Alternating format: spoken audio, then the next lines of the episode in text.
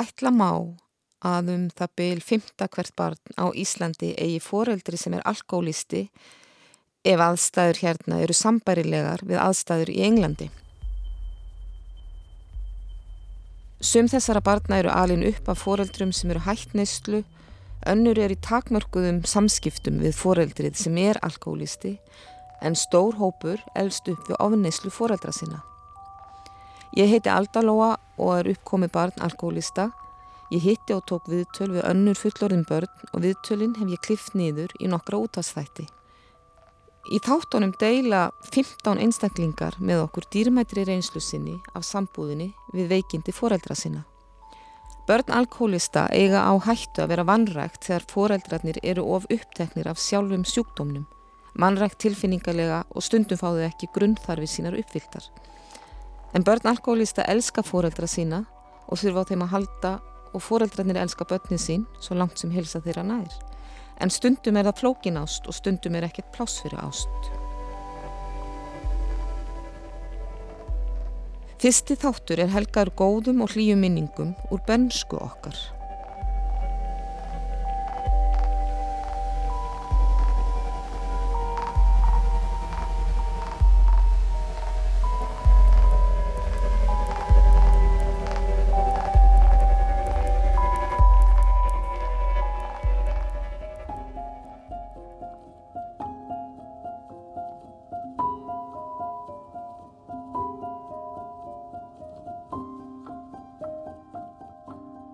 Sérst, ég var fyrirböri og mamma fannst voða gaman að segja mér frá því að, að þegar eitthvað virkilega bjáta þá þá var pappi til staðar sko á þann hátt. Og þegar ég var sérst nýkomin heim á spítalunum, ég verði nokkra vikna þá hætti ég að anda. Og pappi blés lífið mér og bjargaði lífið mín rosa gaman heyra þetta ég var lítil. Ef, ef hann hefði ekki verið sagt þá bara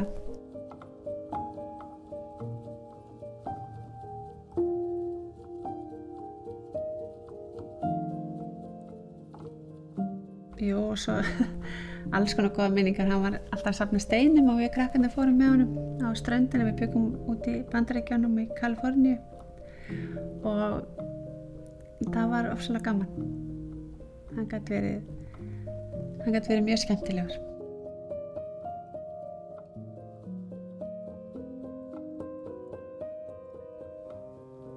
Það er ein minning sem ég man, það, hún er alveg sterk sko, ég veit ekki eins og hvað er gömul, af því að Hressó var þá með svona seiki glerglössum og ég man einhvern tíman, ég hef örgulega verið lítil sem ég satt með mömmu og drekka seiki Hressó og það hefur örgulega verið alveg sérstaklega skemmtilegt sko. Það var mjög gaman, ég man eftir því.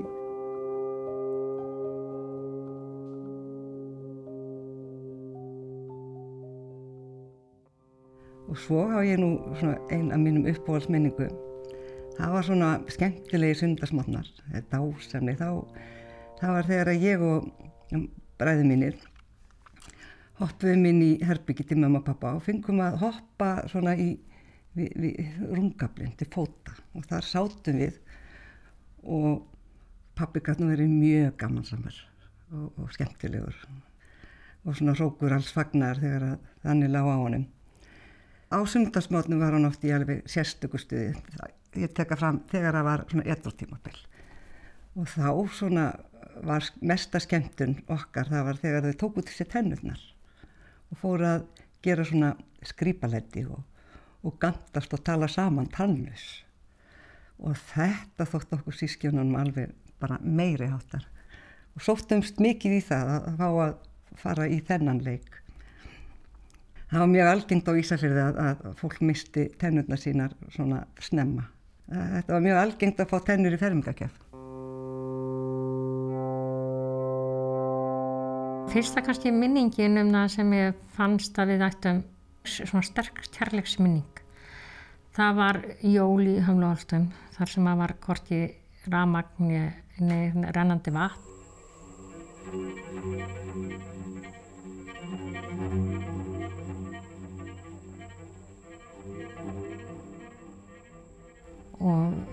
Það var að koma jóla og búið að loka reikningnum í kaufélaginu og fátaktum var, það var ekki til matur.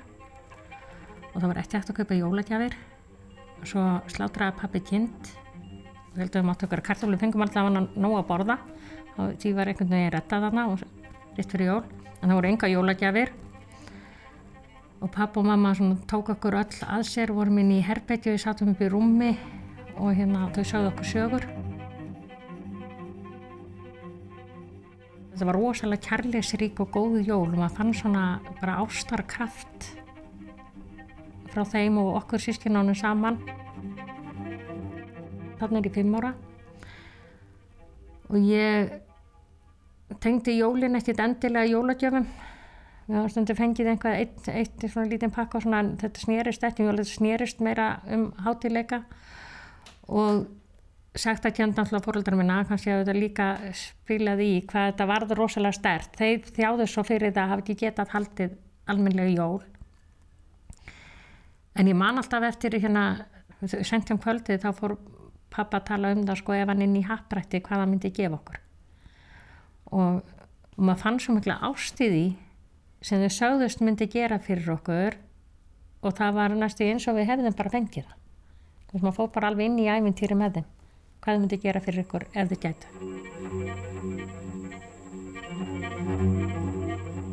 Ég held að það sé alltaf sterkast að því mér eh, finnst enni í minningum mömmu eins og þetta að veri erfið jól sem ég upplifi alltaf sem eina bestu jólun sem við áttum. Hann fór ekki að drekka á jólunum fyrir en ég er orðin svona 17-18 ára. En alla mína barnesku var pabbi alltaf veitur á jólunum og þau bæði. Allt borðast þess að hafa því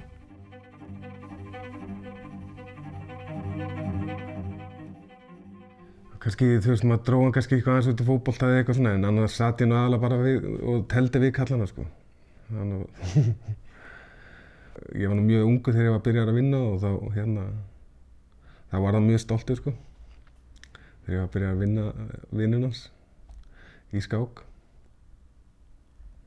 Og það er svona kannski líka eina kannski dýrmættustu minningunum svona þegar maður hugsaði tilbaka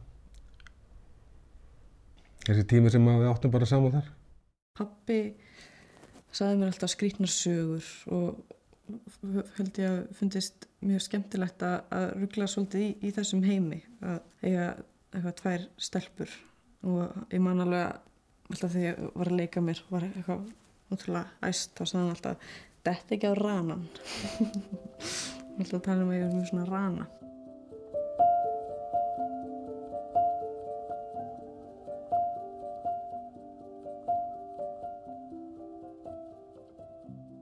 Pappi fór með okkur sístunar á Rólavell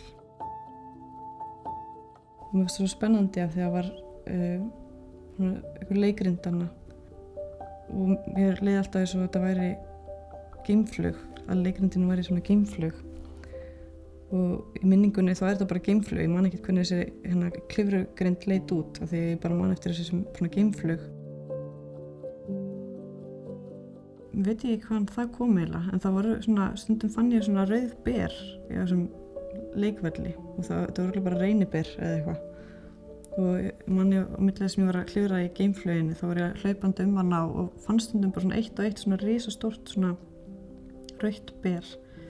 Og ég held alltaf að þetta væri svona perlur svona sem yksu úr jörðinni. Ég veit ekki, kannski var það eitthvað sem eitthvað pappi sagði mér en, en, en já, man alltaf veist, þetta var bara svona svo ævintýralegt að fara alltaf hann að ég man ekki hvort það var aðra hver helgi eða veist, eitthvað en fórum alltaf á hann róluvell og ég veist, gætt farið í geimflöginna að mér dreymdum að vera geimfari og gætt farið í geimflöginna og, og bara upplifa það og svo gætt ég veist, farið að fundi svona, svona jarðarperlur sem ég geimdi í vasanum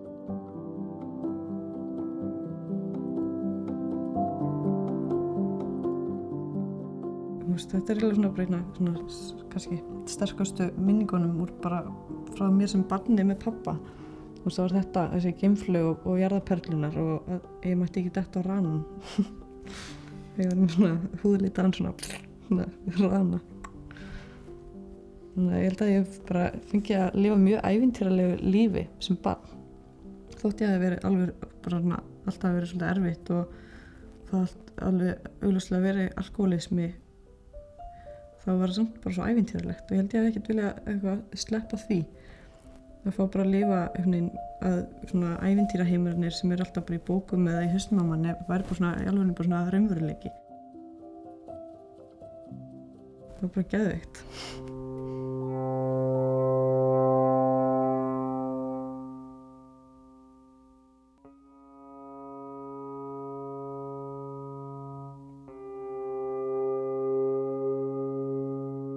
Ég mátti raunin alveg hitt hann en þannig, mér var bara rálægt að gera það ekki út af því að náttúrulega það voru allir mjög meðvitaður um það hvað var í gangi.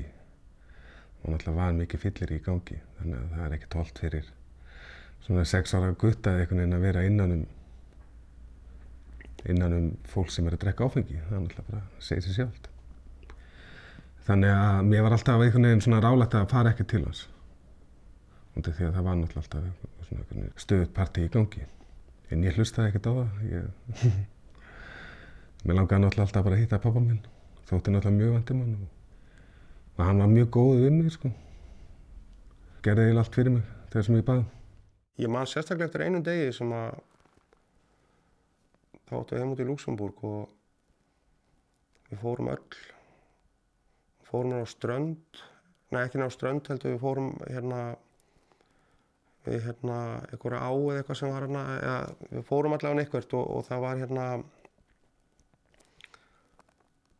það var eitthvað svo mikið gleði eða þú veist, mér leiði eitthvað svo vel og það voru allir svona gladir og, og hérna og, og þetta var svona fjölskyldu dagur einhvern veginn en, en hann endaði svo illa veist, en, en ég man sérstaklega sko að yfir daginn þá, þá, þá var svona þá var þetta bara eitthvað svo normal þetta var eitthvað bara, þú veist, það var svo gaman og og, og fóreldrar minni voru bara gladir og, það, og hérna ég maður sérstaklega eftir sýsti minni og, og hérna þetta, það var bara svona fjölskyldu dagur einhvern veginn. En hann, hann, hann endaði svo mjög illa reynda þessi dagur en, en, en, en ég man eftir þessum degi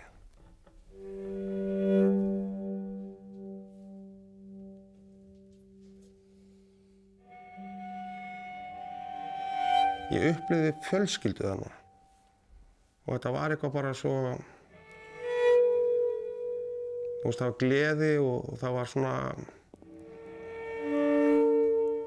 já þetta bara einhvern veginn þetta var svo átakalust og þetta var svona það leiði öllum einhvern veginn vel. Og já það, ég veit ekki hvernig ég geti útskilt það nánar. Þetta var bara svona þetta var gleði dagur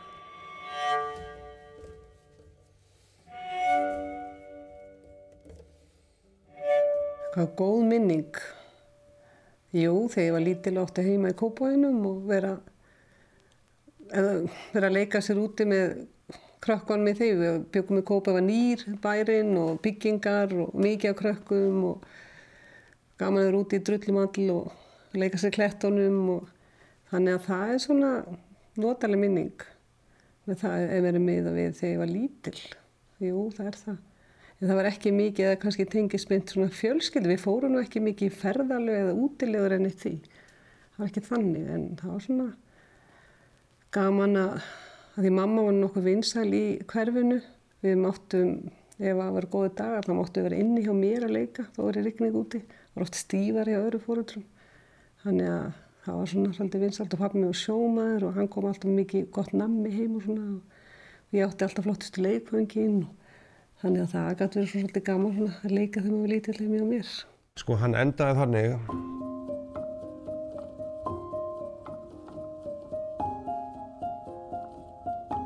Ég man alltaf þennan dag, þú veist, þetta, það var gott veður, það var svona, við fórum í eitthvað piknik og þú veist það, það var bara allt svo fallegt og það var allt bara, það var bara allt í norminu. Nema að kallinn sko á leiðinni heim þá var ákveðið að fara á bar og það voru fullt af íslendingar og það var náttúrulega drukkið og hann var náttúrulega fullur. Hann gæti ekki kert heim. Mamma var sko reynslu lítið lögumæður og ég, hún tók aukuprófi mjög seint sko og yfirleitt keirði hún ekki og hún var að keira heim og pappi var að náttúrulega stjórna og, og hamast í henni og, og, og hérna hvernig hún var að keira og svo komum við sko þá áttum við heima í blokk. Það var fyrsti staður sem áttum við heima í út í Luxemburg og það var bílastæði var svona í U. Það var kert líka þar og svo voru bílarnir bara bílastæði við hliðina. Og hann er eitthvað að djöblast í mömmu því hún náði ekki alveg beginu, hún þurfti að bakka.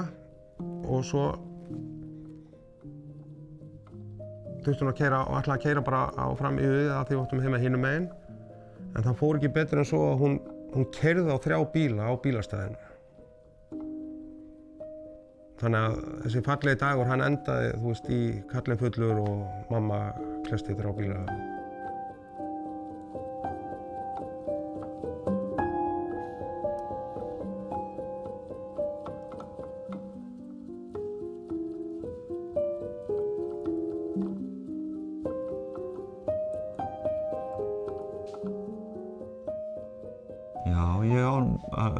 Alveg tölvöld af góðum stundum með honum. Hann var bæði hérna, var mjög skapandi, hann var listmálari svona fyrir utan það að vera að veist, starfa sem sjómaður og, og í fiski í heim málaði mikið og hann var upp á tækja samur sko og var svona hérna, til í að gera alls konar tilraunir teikna á bolta, svona rendur og sjá hvernig það kæmi út ef hann myndi snúa boltanum og, og fara í gunguferðir og veist, kaupa nammi og útbúa nesti og eitthvað. Svo þetta aldrei tekið eftir því að þessi kall var meira með börnin sín heldur en kannski hérna gekk og gerðist á þessum tíma.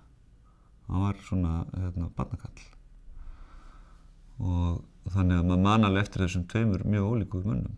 Og hann náttúrulega las fyrir börnin sín og, og hérna og bjóti sögur og sagði okkur sögur sem hann skáldaði sjálfur. Þannig að þetta eru tveir mjög ólíki menn sem maður mann eftir. Eftir að mamma var dáin þá fór ég að pæla, pæla í svona fullt af hlutum sko þegar ég var að skrifa fór að skrifa minningagreininu og þá, þá hérna við höfum alveg rosalega áhuga á leik, svona útvarsleikúsum og ég tók upp úr útvarpinu útvarsleikús og svo hlustum við á þetta aftur og aftur og aftur og barnasögur og allavega svo leiðis. Það áttum við sammeilit og hlusta á gullna hlýðið og, hérna Íslandsklukkuna og allt þetta. Náttu svona plötur sem þetta LP-plötur sem þetta var á. Og þetta var spilað alveg fram og aftur. Við hlustum á þetta saman alveg í gríðverk Við fórum í Húsafell þegar ég var sjö ára. Mamma og amma og afi og nokkur sískinni og þetta var svona eina eina sumafríði sem að sem að var tekið bara, bara fram að 16 ára aldri sem ég átti með mömmu.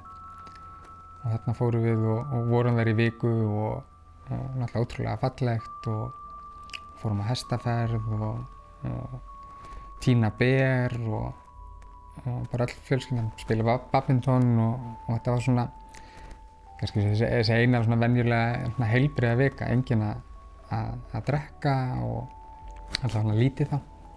Þannig að það var rosalega rosalega gaman og, og svona sérstakt. Og ég fattaði ekki fyrir að ég var fullorðinn að, að hérna, þetta var eina sumafríð sem, sem ég átti í, í barnaskunni. Hvað er þetta gaman þá? Þá er ég sjö ára. Eh, við vorum mjög aktív fjölskylda, eh, fórum í sund á hverjum degi og pappi minn er myndlistamöður þannig að við fórum oft í fjöruferðir saman. Og hann var að vinna þannig myndlist þá að hann notaði fundina hluti í verkin sín. Og þá fórum við öll saman fjölskyldan í, í fjöruna og vorum að leita af, af fjársjóðum sem gáttu gert og skapað með honum fallega myndir. Og fyrir mér er það mjög góð og sterk minning vegna þess að þarna fengum við að hafa hlutild við krakkarnir, við áttum hlutild í hans sköpun og hans lífi. Og ég held að þegar þú elst upp á alkoholísku heimili að þá oft vantar þessa hlutild og fyrir mér er þetta einhver svona mjög heilbreyð minning, mjög heilbreyð heilbreyður verknar þar sem allir taka þátt og allir er einhvern veginn jafn gildir.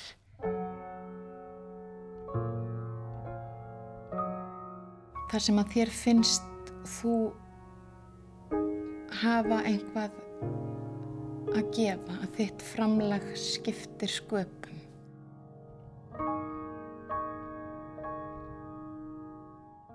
Því ég líti tilbaka þá er þetta svona sterkustu, fallegustu bensku minningarnar mínar. Að vera þarna í fjörunni með fóreldrum mínum, með sískinu mínum og við erum öll með sama markmið og þetta og þetta er líka svo heilbrygt að vera þarna út í náttúrunum með sjóin og sandin og þetta er svo ólíkt það sem er að gerast innan veggja heimilisins þetta er einhvern veginn bara svona alveg klift og skorið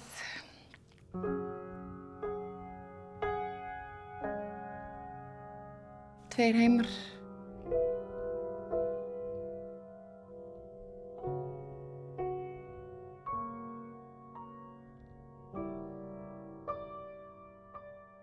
Eitt er til dæmis minning sem að ég er nýri bæ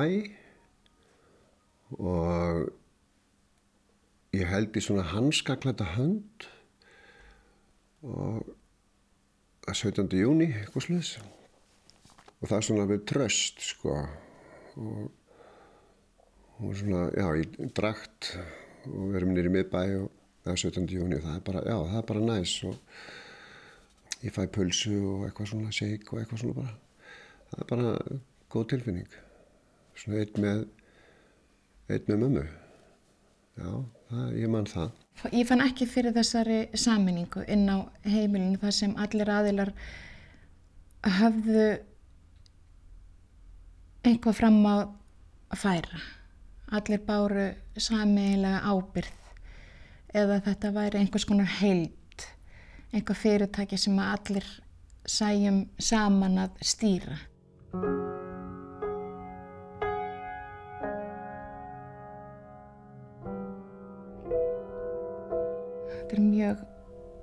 Ólíkir heimar, sérst fjaran og heimilið.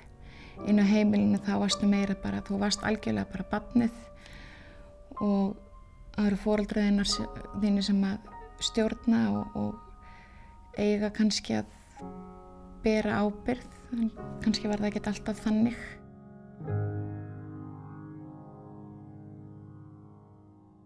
Ég vinn í þessum tæknagera og þá fer ég alltaf að pæli, sko, þegar hann lág á gólfinu með mér með svona stór eins og háls volta símabatteri sem voru gömlu hérna sveitasímanum. Það voru svona stór batteri sem voru svona eins og einslítis ferna næri og svo var hann að tengja þetta að setja svona símadós og hátalara við og talaði í þetta. Það heyrði maður í hátalaranum þetta voru leikfangi sem ég var að leika með mann hvað var gaman að læra þetta þú veist, tengja síðan mótor og viðnám og svo leiðis 6-7 ára gutti að leika sér með þetta. Ég var fullt af svoleiðis góðum minningum með pappa þar sem hann er að kenna mér eitthvað svona tækni dæmi sko. Sterkasta minningin um pappa er frá atveki sem átti sér stað þegar ég var líklega svona 7 ára eitthvað svo leiðis þá held ég að, að heimilið hafi nýbúið að vera gangi gegnum mjög erfitt tíma bil og það endaði með því að hérna, ég pissaði eins og ný mig sem ég gerði annars aldrei. Pissaði rúmið einhvern tíman snemmakvölds og þetta fannst mér alveg hríkalegt áfall. Ég var, ég var algjörlega óhugandi grenjaðu bara glukkutíma í, í senna því mér fannst þetta svo mikil, mikil smán. Og pappa og mamma voru bæði heima og mamma kom og, og reynda að hugga mig og segja mér þetta væri nú allt í lagi og þetta gæti alltaf komið fyrir og svo framvegis en, en ég var algjörlega miður mín þannig á endanum þá kom, þá, hérna, kom pappi og hann settist hjá mér og, og sagði mér hafa engar áhugir þessu, svo hann mér söguna af manninum sem ég er skýrður eftir sem er Íslendingasögu hetjan Illugi sem að hérna vildi frekar fórna lífinu heldur en að yfirgefa bróðu sinn í neyð og, og svo framvegs og, og þessa sögu saðan mér á, á langan og mjög fallegan hátt. Og endaði með því að ég let huggast. Því ég var svo stoltur yfir því að vera skýrður eftir þessum göfuga og, og hérna og glæsilega manni. Og, og þegar hann sem sagt uh, stóð upp og fór þá var ég bara hérna hafði ég látið huggast og, og gætt farið að sofa í, í, í fríð og ró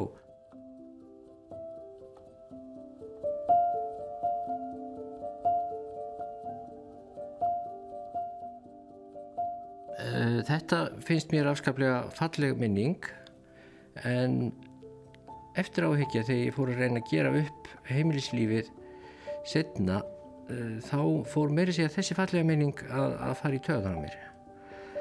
Vegna þess að það rann upp fyrir mér að sko uh, þrátt fyrir allt þá hafði hann ekki komið á sjálfstáðum heldur mamma sendan og það rann líka upp fyrir mér að, að, að sko ég var búin að búa til þessa fallegu minningu í huganum og, og fannst hún indisleg sem hún var.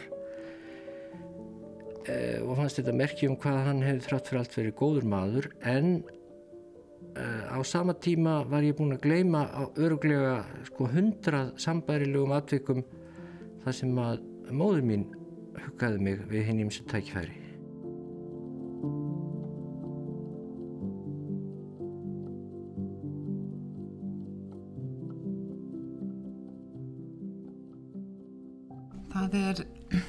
svona fyrsta minningin sem kemur upp í huga mínum að það er, ég var að býða eftir pappa, hann var að koma heim á sjónum. Og ég líklega verið svona tryggja fjagrara, gömul fjagrara og vildi ekki fara að sofa. Og hann kom náttúrulega seint heim. Og svo þegar hann kom heim að þá hérna, ég heyrði hann kom inn og, og, og ég náttúrulega hljóp fram í eldhús og hann tók mig þangið og kallaði mig litlu stelpina sína og knúsaði mig. En ángaði náttúrulega að fangja áfengi slikt eins og svo oft áður. Er samt svona þegar maður setur sko áfengi til hlýðar að þá er þetta eiginlega fyrsta góða minningin sem ég man eftir honum. Og svona hlýja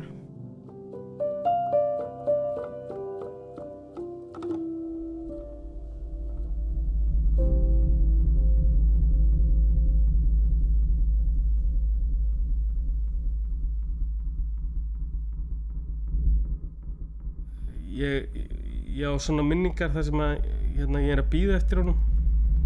Hann átti að koma svo kom hann ekkert. Það liður kannski vikur og hann fyllir í einhverstað ég beði alltaf í glugganum eftir að sjá gráa skótan koma. Hérna, stundum koma það var rosa gaman. Í strákarnir mín er svona var svona lítinn hérna, hérna bíl sem hann gaf mér einu sinni. Þú veist það var þegar hann gaf mér þennan litla bíl það lagaði allt saman. Ég fyrir gaf hann um alla byðina og nú að ég strákarnir mín í þennan bíl. Ég kom til hans út í skúr, hann var mikið út í skúr að bauka og, og smíða og hafði gaman að búa til allskyns sluti sem hann dætt í huga að gera og við fórum alltaf í Bergamó á hverju ári og yfirleitt norður í Kjeldukverfi þar sem amma átti heima. Og hann hafði smíðað berjatínur hand okkur öllum. Nema að berjatína mín hún var náttúrulega alveg, ég verið fimm ára og hún var alveg svona sérstaklega lítil sko. Svona sem passaði fyrir hendur á fimm ára badni og það var svona það var rosalega fallegt. og svona falli stund þú veist þegar hann var að segja mig frá því að hann var að búa þetta fyrir, til fyrir litlar hendur. Þegar að allt var í góðum, góðu lagi þá var svona sérstaklega minnistætt að þeir ferðirnar í, inn í inn í skó eins og við kallum það á sunnudögum. Þar sem pappi og, og, og mamma og við sískinni fórum saman með teppi og nesti og, og mamma og pappi sátu í, á teppinu og, og, og lásu, hlustuðu jafnvel á útvarp og við sískinni vorum að leika okkur í, í læknum, litlu bræðin minnum í litla læknum og við eldri í stóra, stóra, stóra áni. Þetta voru svona dásendardagar og líka svona þegar við fórum í Pappi var svona eh, mikill bíltúrakall. Um, það er svona fallegasta minningi mín. Það var ég með honum heilanda í San Francisco. Við fórum í, hérna, áttum bara heilandar saman.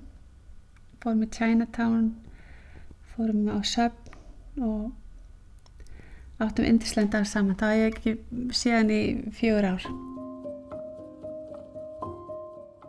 Þannig að það er svona besta minningi mín.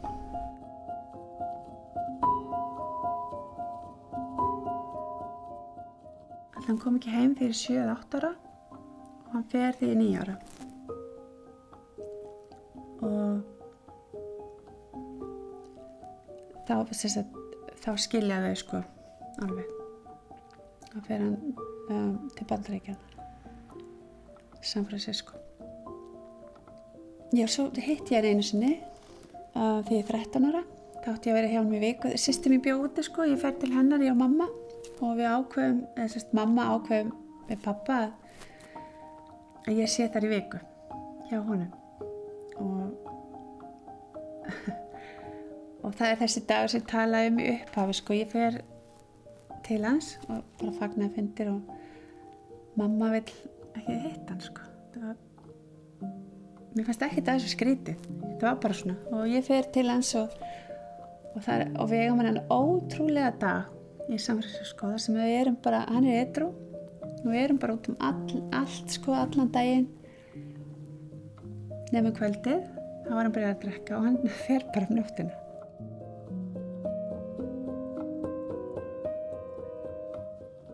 en áður en hann fer þá grætur hann segir sjá svo eftir okkur og, og hann hafi klúðrað sínu lífi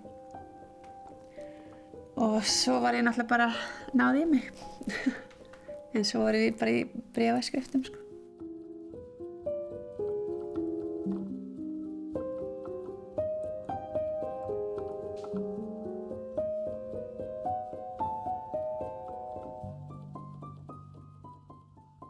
Við hlítum á fullorðin börn alkoholista, rifja upp góðar og hlýjar benskuminningar. Í næsta þætti munum við heyraðu rifja upp vísbendingar um háska og minningar af óeðlilegu ástandi.